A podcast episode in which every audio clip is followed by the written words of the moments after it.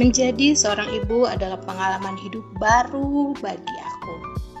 Karena ketika aku hamil, itu aku sempat berpikir seperti ini.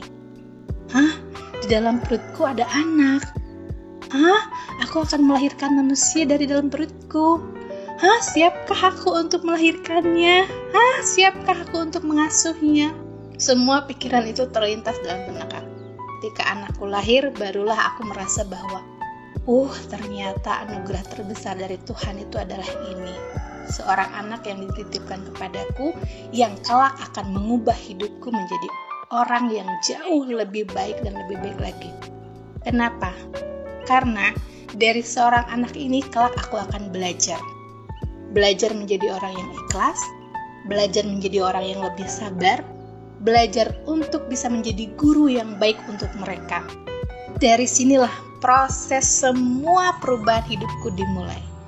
Dari yang tadinya perempuan gak sabar, dari yang tadinya kurang ikhlas, sekarang belajar semua itu dari proses anak ini. Dan inilah pengalaman hidup yang tidak akan pernah aku lupakan sampai nanti aku kelak meninggal. Karena momen-momen indah mendidik anak itu ketika mereka dewasa, mereka berproses, mereka akan melupakan kita. Kenapa? Ya, karena semakin mereka bertumbuh, mereka akan semakin menjauh dari kita.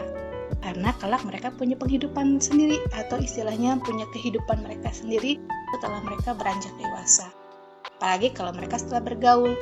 Dan kita sebagai ibu atau orang tua tentu akan diacuhkan oleh mereka. Karena mereka merasa, aku udah dewasa, aku sudah bisa, bisa segala hal. Padahal tetap saja harus ada yang membimbing mereka yaitu orang.